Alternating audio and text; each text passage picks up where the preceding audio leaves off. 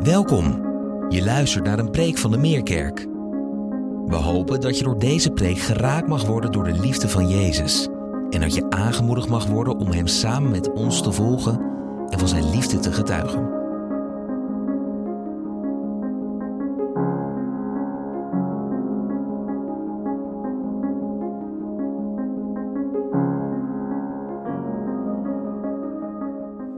Goedenavond.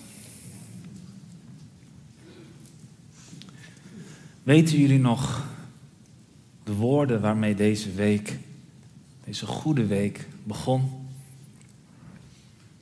Dames en heren, hier is hij dan, de zoon van David. Hij die komt in de naam van de Heer. Met die woorden werd Jezus onthaald in Jeruzalem.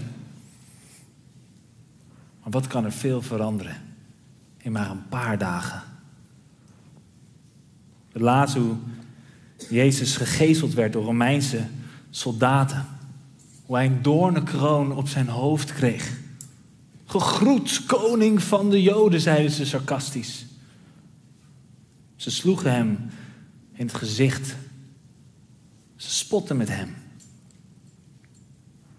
Waar kijken we naar? Wat is dit? Dit is de huldiging van een koning. De enige huldiging die ik zelf heb meegemaakt is tien jaar geleden, 2013, 30 april. Toen onze koning werd ingehuldigd.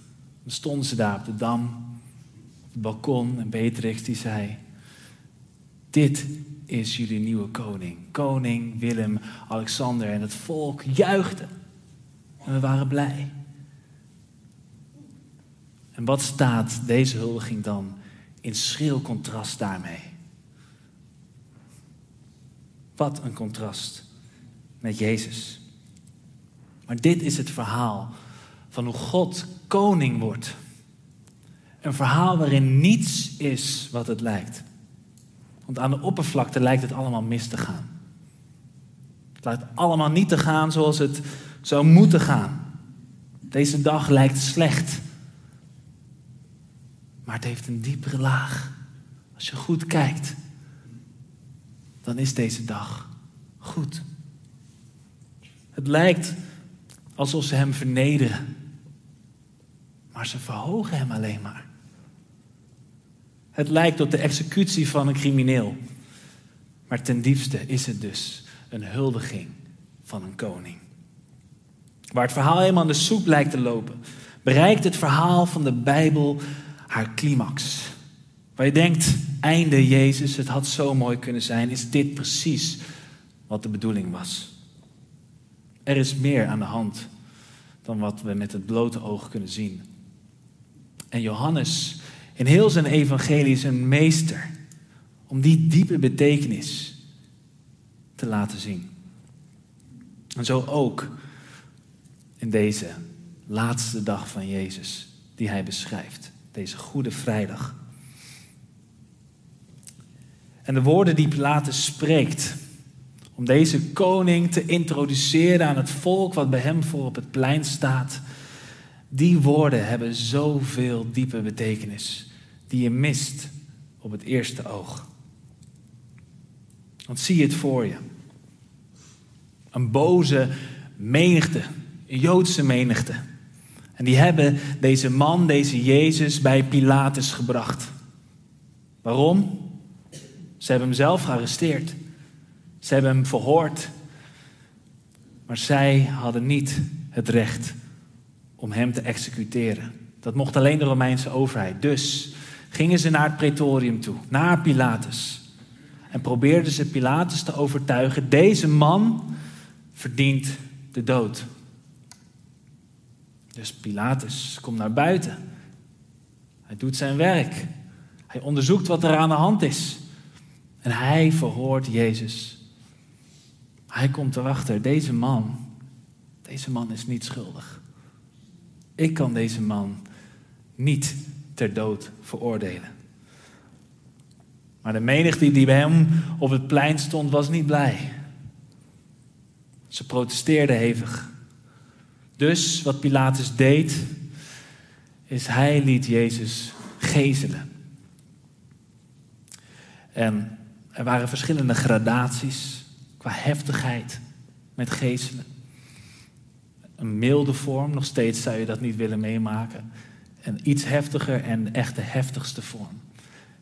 We kunnen uit de context leren dat het waarschijnlijk de milde vorm was die Jezus kreeg. Een milde gezeling in de hoop dat het de Joodse menigte tevreden zou stemmen. Dat zouden zeggen, oké, hij heeft zijn verdiende loon gehad.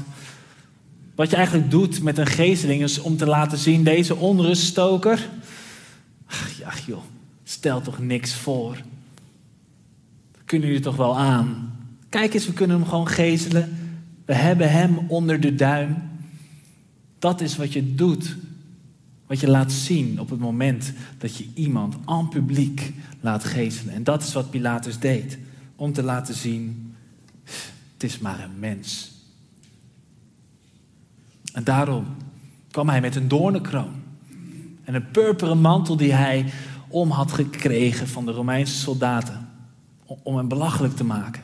Liep hij naar voren het plein op en werd hij aangekondigd. De huldiging van de koning, Pilatus, sprak de woorden: Zie de mens. Hij sprak de woorden: Zie de mens. En hij deed dat. Om te laten zien, het is maar een mens. Je hoeft niet bang voor hem te zijn. Hij is zwak. En Pilatus had geen idee. De diepe lading van deze woorden die hij sprak. Zie de mens. Ik heb een zoon van drie. En die zegt soms dingen die zo wijs zijn. Zonder dat hij het doorheeft. En dat is een beetje het gevoel wat ik ook heb bij Pilatus. Hij zegt dingen en hij heeft geen idee wat hij zegt. Maar ze zijn zo waar. Want Johannes heeft ongetwijfeld meteen moeten denken aan die eerste woorden waar hij zijn evangelie mee begint. Vers 14. Het woord is mens geworden en heeft in ons midden gewoond. Zie de mens, vol van goedheid, vol van waarheid. Wij hebben zijn grootheid gezien, de grootheid van de enige zoon van de Vader. We hebben het hier over Jezus. Het woord, over God zelf. Is dat niet ongelooflijk? God die mens is geworden. God die wandelt op de aarde die hij heeft gemaakt. Die druiven proeft, die hij zelf bedacht heeft. Zie de mens het woord, het vlees geworden woord. Onvoorstelbaar. Hij was mens, net als wij, net als jij, net als ik. En als we dit lezen, kunnen we soms al heel snel onderwaarderen hoe ongelooflijk knap het was wat Jezus heeft gedaan. Ja, hij was toch de zoon van God. Hij kan dat lijden wel doorstaan. Hij kan wel zelfbeheersing hebben. Hij kan wel een perfect leven leiden. Nee, hij was mens. Hij worstelde ook met zijn vlees in het hof van Gethsemane. Bad hij, mag alsjeblieft deze beker aan mij voorbij gaan. Hij wilde het niet. Het was niet appeltje, eitje om naar het kruis te gaan. Hij was mens. En wanneer wij als mensen soms in de mist gaan, als we de plank misslaan, als we een fout maken, dan zeggen we regelmatig: ja, maar ja, ik ben ook niet perfect, ik ben ook maar een mens. En dan vergeten we misschien: ja, maar Jezus ook. Hij was ook mens. En hij was in staat om wel in gehoorzaamheid te leven aan God. In afhankelijkheid van Hem, in vertrouwen van Hem. Het kan dus wel. En ja, we zeggen, ik ben ook maar een mens en dat verklaart misschien wel waarom wij fouten maken in ons leven, maar het rechtvaardigt het niet. Het is geen rechtvaardiging van, oh je bent een, oh, je bent een mens en natuurlijk maak je dan fouten. Oh natuurlijk, zondiger dan maar op los. Ik kan het begrijpen. het moment dat we oog in oog staan voor God, is dat niet een argument dat we aan kunnen dragen. Ja, maar ik ben maar een mens. Ik ben ook niet perfect. Nee. We mogen niet onderwaarderen hoe zwaar ons probleem van de zonde is. We gaan er soms te makkelijk mee om. Weet je, als ik eerlijk ben, vind ik de Goede Vrijdagdienst een lastige dienst. En dat is vanwege het gevoel van deze dienst. De beladenheid die erin zit, de emotie. En ik heb er geen problemen mee dat het een, misschien een iets zwaardere dienst is dan normaal. Maar omdat het verwarrend is, waar huilen we nu om? Als wij, als jij, dit evangelie hoort, wat doet dat dan met je? Welke emoties roept dat met je op? Word je er verdrietig van? En waarom? Johannes heeft deze woorden niet opgetekend, zodat wij medelijden konden hebben met Jezus. Dat is niet het doel van Goede Vrijdag. Hij hangt niet aan het kruis, zodat jij medelijden kan, kan hebben met Hem. Hij hangt aan het kruis omdat Hij zoveel medelijden had met jou. Wanneer wij de mens zien, zie de mens, kunnen we niet anders dan in de spiegel kijken en dan zeggen: Oh, u bent volmaakt en ik ben dat niet. U heeft medelijden met mij en terecht.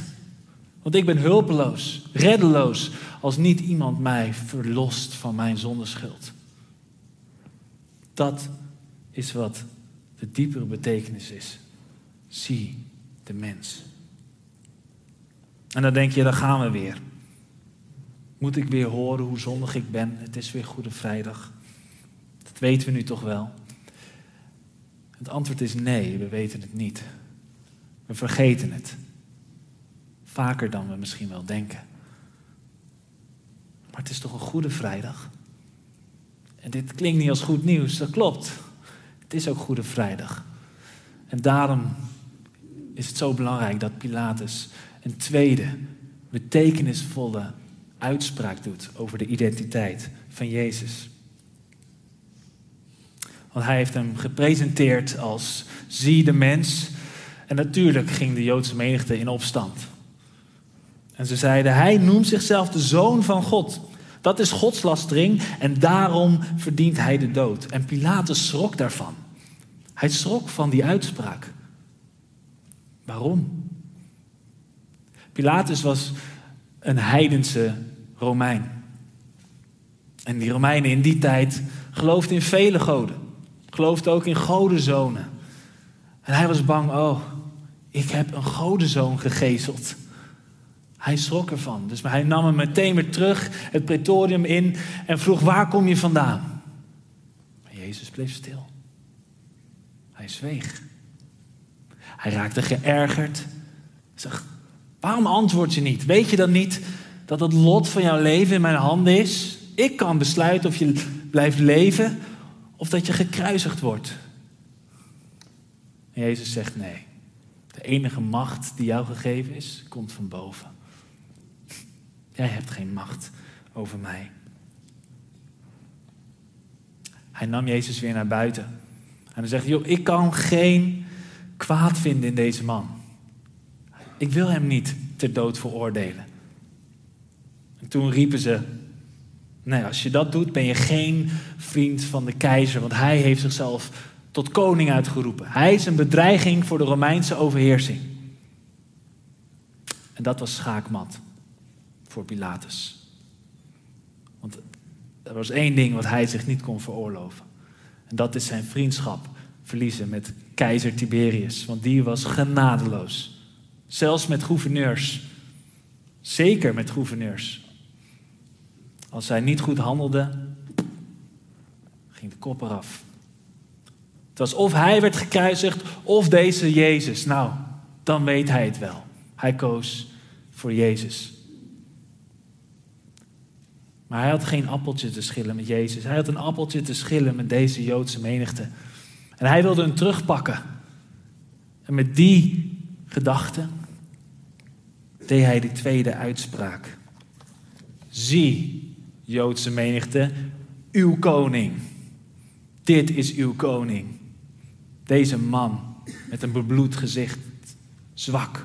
Dit is uw koning. De Joden vonden dat niet leuk om dat te horen. Ze zeiden, dat is niet onze koning. De keizer is onze koning. Hij niet, niet deze man. Weg met hem, kruisig hem. En ook dit, ook dit noemt Johannes al aan het begin van zijn evangelie, Johannes 1 vanaf vers 10. Het woord was in de wereld. De wereld is door hem ontstaan en toch kende de wereld hem niet. Hij kwam naar wat van hem was, zijn eigen volk. Maar wie van hem waren, hebben hem niet ontvangen. Wie hem wel ontvingen en in zijn naam geloven, heeft hij het voorrecht gegeven om kinderen van God te worden. Ook dit keer heeft Pilatus niet door de diepte van de uitspraak die hij deed. Zie, uw koning, de lang verwachte Messias, de koning in de lijn van David, lang voorspeld in het Oude Testament, staat voor jullie neus en jullie herkennen hem niet eens. Zie, uw koning. En hij laat ook nog een bord hangen boven op het kruis. Jezus van Nazareth, koning van de Joden. En daar ook gingen ze in opstand. Ze zeggen nee. Nee, hij is niet onze koning. Hij beweert onze koning te zijn. Maar Pilatus zegt, wat ik heb geschreven, dat heb ik geschreven. En ook dat zijn diepe woorden. Want ongeacht of hij werd geaccepteerd als koning, dat veranderde niets aan het feit dat hij koning is. Of jij nou hem erkent als koning of niet, dat maakt niet uit. Hij is koning. De vraag is alleen, zie je dat? Erken je dat? Kunnen we ook zeggen, zie, hier is ook jouw koning. Maar het lijkt op een executie. Is dit hoe Jezus, God als mens verschenen, als koning der koningen gehuldigd wordt? En alles is omgekeerde wereld bij Jezus. Hij draait alles om. Hij zet alles op zijn kop. Niet met een kroon van goud, maar een kroon gemaakt van doorns. Geen prachtige mantel. Maar spottend deden ze hem een purperen kleed aan. Om vervolgens ook weer uit te trekken. En helemaal naakt. Ze dobbelde om zijn kleren. Hij is het die met beide armen gestrekt ging op een kruis. Om van een angstaanjagend instrument van de dood zijn troon te maken. Alles is omgekeerd in dit verhaal. Zo werd God koning, omhoog geheven op een houten kruis. Om van een kruis zijn troon te maken. Precies zoals hij al had voorzegd in Johannes 12. Dan zegt hij, wanneer ik van de aarde omhoog geheven word, zal ik iedereen naar mij toe halen. En daarmee duidde hij aan welke dood hij zou sterven. Zie de mens. Zie de mens. Zie hoe ze hem als mens naar beneden probeerden te halen. Maar hoe meer ze dat deden door hem te bespotten, zijn gezicht te slaan, hem te gezelen en hem uiteindelijk aan een kruis te slaan, hadden ze niet door dat ze hem eigenlijk alleen maar aan het verhogen waren als koning. Dit is hoe hij koning is geworden. Als mens werd hij naar beneden gehaald om als koning verheven te worden.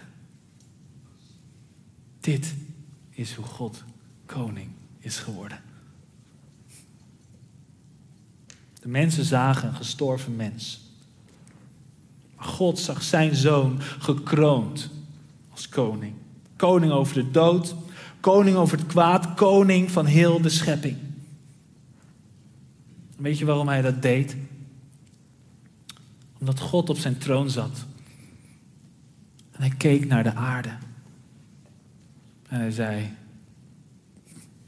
Zie de mens. Zie toch al die mensen. Zie toch hoe ze er een potje van maken. Ik moet er naartoe. Ik moet er iets aan doen. En zo werkt deze illustratie ook omgekeerd.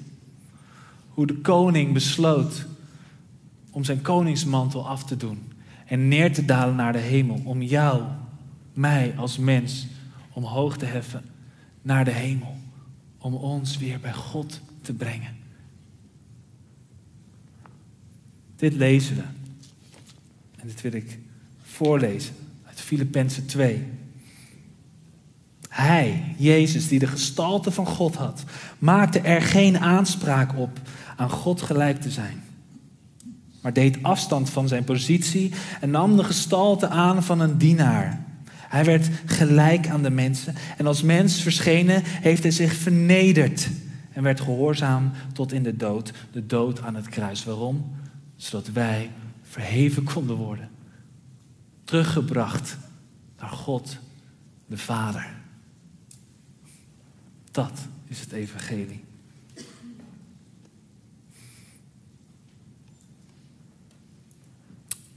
Hij schreeuwde uit toen hij aan het kruis hing.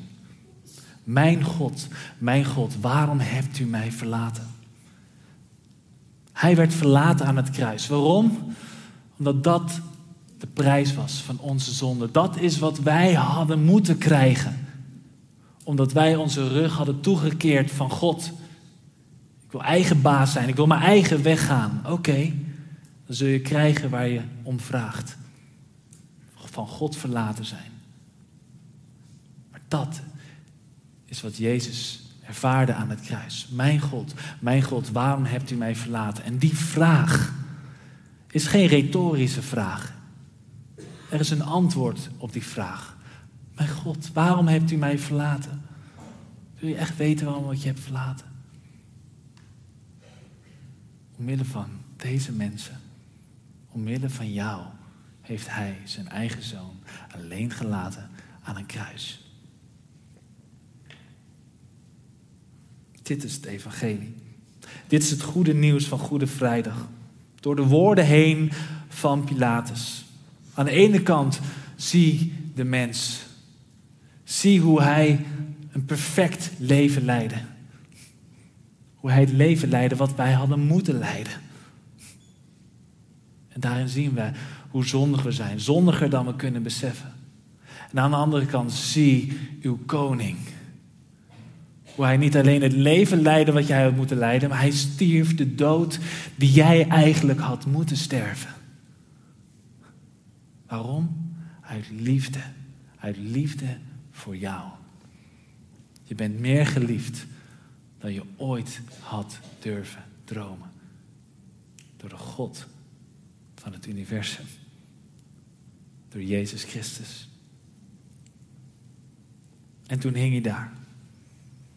En schreeuwde die uit: Het is volbracht. Het is volbracht. En het is één ding om dit te geloven. Om te zeggen, ja, ik geloof dit verhaal, dit evangelie.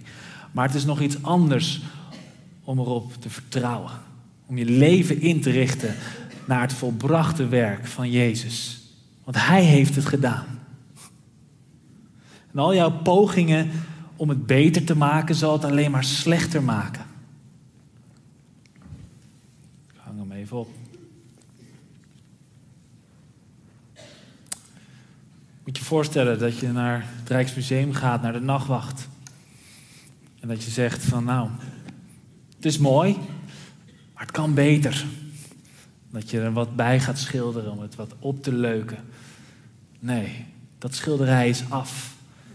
Is klaar. En alles wat je toevoegt aan dat schilderij is alleen maar afbreuk. En zo ook met Jezus. Alles wat wij toevoegen aan het volbrachte werk doet afbreuk aan wat Hij aan het kruis heeft gedaan. Het was klaar, het is volbracht, de prijs is betaald. Daar mag jij in rusten. En iedere keer als jij jezelf niet kan vergeven, Iedere keer als jij dus in de spiegel kijkt en inderdaad ziet hoe zondig je bent. Iedere keer als jij dat doet. En zegt van ja, Heer, u bent gestorven, het is volbracht. Maar mijn zonde, ik weet niet of u die kunt vergeven. Dan krijgt de zonde een te hoge plek in je leven. En daarmee doe je het volmaakte, volbrachte werk van Christus, doe je er alleen mee aan af. Dan zeg je van, uw volbrachte werk is niet genoeg voor mij. Misschien heb je daar geen problemen mee om jezelf te vergeven. Misschien heb je wel problemen met dat je jezelf probeert te bewijzen.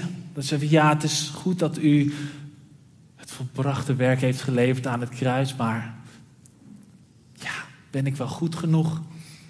Ik moet mezelf bewijzen. Ik moet wat maken van mijn leven. Geld verdienen. Status. Mensen mij zien staan, wat van mij vinden. En dat is prima zolang dat goed gaat. Maar het is nooit genoeg.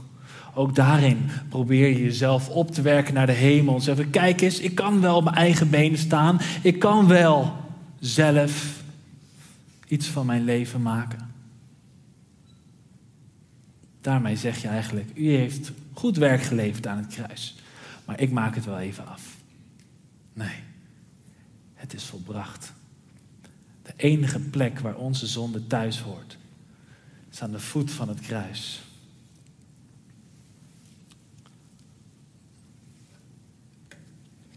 Te zeggen, Heer, neemt u mijn zondeschuld op zich, op u.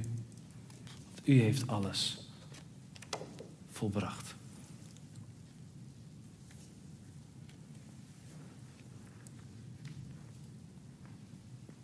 Dat is de boodschap van Goede Vrijdag. Het is goed. Het is goed. Je hoeft jezelf niet meer te bewijzen. Je hoeft jezelf niet meer aan te klagen. Want het is goed. Je mag je zondeschuld loslaten. Het is volbracht. Zie de mens. Je bent zondiger dan je misschien wel ooit zal beseffen. Maar tegelijkertijd zie jouw koning. Die stierf in jouw plaats. Je bent zoveel meer geliefd dan je ooit had durven dromen. Het is goed. Het is volbracht. Laten we bidden.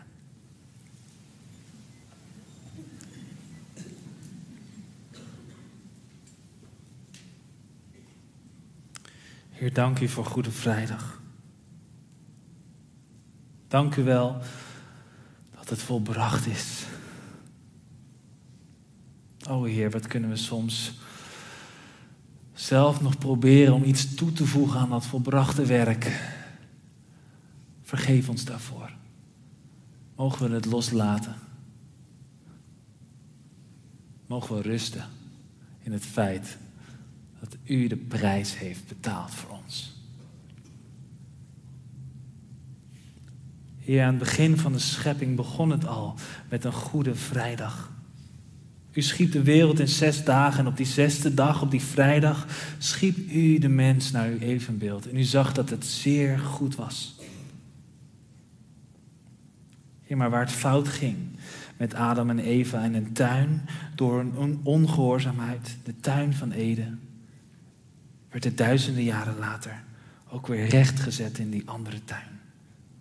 De tuin van Gethsemane, door de gehoorzaamheid van één mens, van Jezus. Waar het probleem werd veroorzaakt door de verleiding van de vruchten van de boom die God zo verboden had, die ze toch aten. Zo werd de oplossing volbracht, doordat Jezus stierf aan het kruis, het hout van een andere boom. O Heer, zie de mens. We willen u zien en u aanschouwen als mens en als koning. De koning die bereid was zijn leven te geven. De koning die daardoorheen, door zijn kruisstoot, hoog verheven wordt. We prijzen uw grote naam, Koning Jezus.